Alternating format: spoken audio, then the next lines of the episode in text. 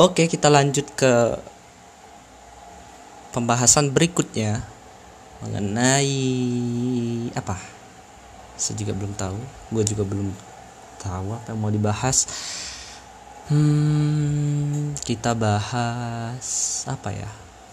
Kita bahas cara belajar hal baru. Maybe karena kebetulan gue juga punya beberapa pengalaman dengan topik ini. Oke, kita mulai. 30 Juli 2018 adalah hari pertama gue diterima di salah satu startup di kota gede Yogyakarta. Dan ini gue mengawali karir sebagai seorang copywriter. Seiring berjalannya waktu, tepatnya satu bulan kemudian, gue ditunjuk untuk menggantikan posisi advertiser senior yang pada waktu itu sudah memutuskan untuk keluar. so mulai disuruh eh disuruh ditunjuk untuk belajar mempelajari lebih dalam tentang Facebook Ads. Jujur ini akan ada hal yang kocak di pembahasan kali ini tentang pengalaman gue membuat kreatif konten pertama kali seumur hidup. Eh, enggak seumur hidup, pertama kali. Untuk Facebook Ads. Ya seumur hidup sih. Oke okay, let's start then. jadi setelah uh, sebut nama aja Mas Michael. Mas Michael itu meninggal resmi meninggalkan Bayasin. Gue ditunjuk sebagai pengganti dia gue ditunjuk untuk menggantikan posisinya sebagai advertiser di sana. Lalu kemudian gue belajar. Pertama kali gue belajar memang sama Mas Michael sih diajarin. Gue tapi gue nggak tahu gue nggak sadar kalau gue bakal menggantikan posisi dia waktu itu. Jadi gue cuma suruh aja ayo dalam sini belajar kita bareng. Ini ini ini ini. Gue nggak tahu juga sih dulu waktu itu maksud dia ngajarin gue apa. Dan ternyata akhirnya gue menggantikan posisi dia. Oke setelah gue gantikan posisinya dia dia pamit undur diri dari kantor satu hal menarik pun dimulai. Mulai dari belajar dengan Mas Anom di rumahnya yang tinggi itu, tinggi tapi keren. Terus kemudian belajar mandiri, belajar banyak hal mulai dari internet yang tercinta sampai menemui beberapa guru-guru mastah Facebook Ads. Nah, gue inget banget. Di akhir-akhir uh, Oktober November Oktober November 2018 gue mulai ngiklan diberi wewenang untuk memasang iklan pertama kali. Dan pada saat itu produk pertama yang diiklankan adalah pomade pomade entah merek apa waktu itu nggak jelas juga. Memang dari dari apa namanya produknya juga memang nggak jelas karena memang waktu itu ditujukan untuk testing. Testing testing skill dan pengenalan. Oke. Okay. waktu itu ada dua orang desainer magang masih proses seleksi waktu itu. Dan dua-duanya gue kasih sebuah brief yang kocak yang lucu yang unik yang enggak yang enggak masuk akal pokoknya. Brief tentang kreatif konten untuk gambar yang akan didesainkan.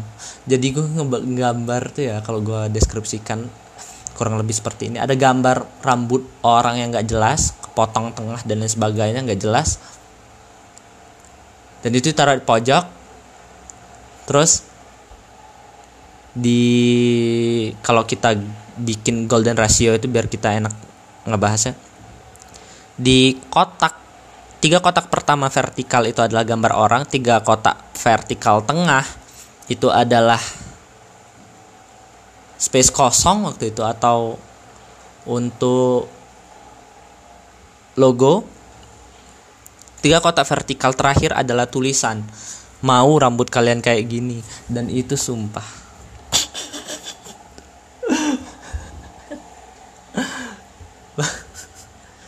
sumpah. Itu itu memalukan sih. Itu memalukan menggelitik dan menjijikan juga. Wow pokoknya semua bercampur aduk. Dan gue udah yakin kalau gambar itu tidak menjual sama sekali. Tapi mau nggak mau karena itu tugas jalankan. Oke jalankan. Waktu itu iklan yang kita pakai adalah uh, wait, iklan yang kita pakai adalah iklan traffic dengan budget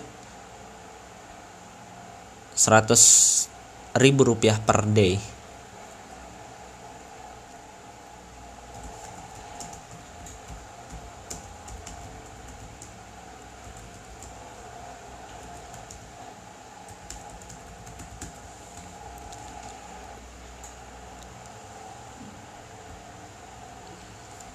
Gitu sorry agak sedikit loading karena gue harus ngupdate iklan. Ya ngupdate iklan. Lanjutin tugas yang tadi. Oke kita sambil cerita aja nggak apa-apa. And so apa yang terjadi? Rata tidak ada konversi sama sekali dan memang memang itu adalah percobaan. Sebuah percobaan. Tidak perlu sering berjalan waktu gue terus mulai perlahan-lahan paham mengerti apa maksudnya konversi dan lain sebagainya. Gue memahami tujuan dari atau bukan tujuan hmm, psikologi dari tiap-tiap objektif campaign itu gue pahami. Dan alhamdulillah seiring berjalannya waktu kekocakan itu perlahan memudar menjadi satu hal yang lebih serius. Ya serius. Karena di saat lo udah ngerti atau paham akan sesuatu otak lo mulai gatel untuk mikirin gimana caranya ini nggak rugi.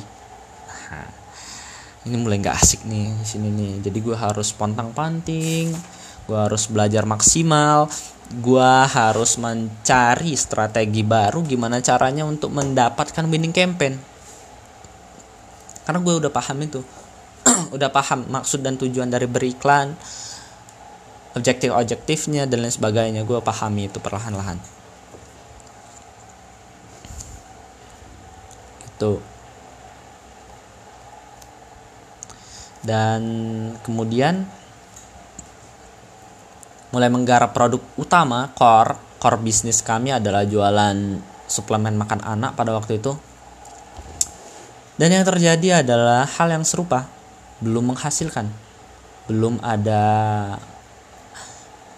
income dari hasil beriklan karena memang iklannya sendiri pada waktu itu kurang nendang juga Oke singkat cerita gue dikasih hmm, akses bukan dikasih ditambahi tanggung jawabnya untuk membangun brand secara organik di Instagram. Cuman apakah ini perlu dibahas di sini atau tidak? Karena gue juga sedikit bingung untuk melanjutkan untuk melanjutkan cerita tentang tentang hmm, tentang apa ya namanya ini? Tentang Facebook. Wait a minute. Karena oke okay, kita lanjut aja tentang Facebook. Nanti kita bahas Instagram. Jadi ya begitu. Terus menerus berjalan sampai akhirnya gue dilengkapi dengan beberapa tools. Salah satunya data grant ada apalagi data grant viral video terus Basumo and others. Dan masih banyak lagi. Ya gue pelajarin. Tapi memang hasilnya memang tidak signifikan. Baik. Membaik tapi tidak secara signifikan. Jadi gue mulai pusing nih. Ada banyak sekali tools yang dipakai. Pakai Mailchimp juga untuk ngumpulin email supaya jadi email marketing. Ngumpulin leads secara organik dan lain sebagainya. Dan itu pusing waktu itu. Dan kepusingan itu bermuara pada satu hal yang jauh lebih serius lagi yaitu buruknya customer journey. Seperti di podcast bongkar otak tadi gue jelasin. Karena terlalu banyak data yang masuk ke dalam pixel data yang masuk diolah dengan berbagai macam variabel yang tidak segmented itu menyebabkan performa iklan makin menurun biaya makin mahal konversi makin rendah. Dan itu yang terjadi sedih? Ya jelas sedih dong. Sebagai advertiser mungkin semua advertiser di dunia ini punya pikiran yang sama kayak gue. Yang kami pakai adalah duit orang. Duit kantor lebih tepatnya. Dan di saat duit kantor ini nggak kembali lagi menjadi sebuah duit ya akan ada satu beban moral mungkin atau beban yang hadir karena memikirkan itu tadi lalu yang terjadi adalah hmm, sedih pastinya. Tapi kesedihan itu nggak boleh dipendam lama-lama nggak boleh dipikirin terlalu lama. Karena apa? Karena tidak akan menghasilkan apa-apa. Yang harus kita pikirkan adalah solusi untuk menghasilkan atau mengembalikan uang setidaknya mengembalikan budget iklan yang sudah dipakai tadi. Gimana caranya?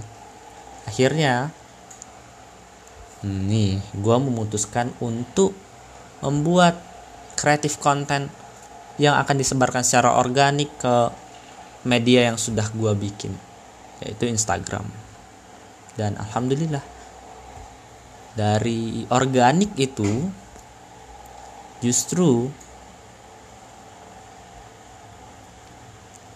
gue mendapat banyak sekali insight baru dan ini adalah satu hal yang luar biasa keren. I love it. Thank you. Kita akan lanjut lagi cuma nanti nggak sekarang. Oke okay, see you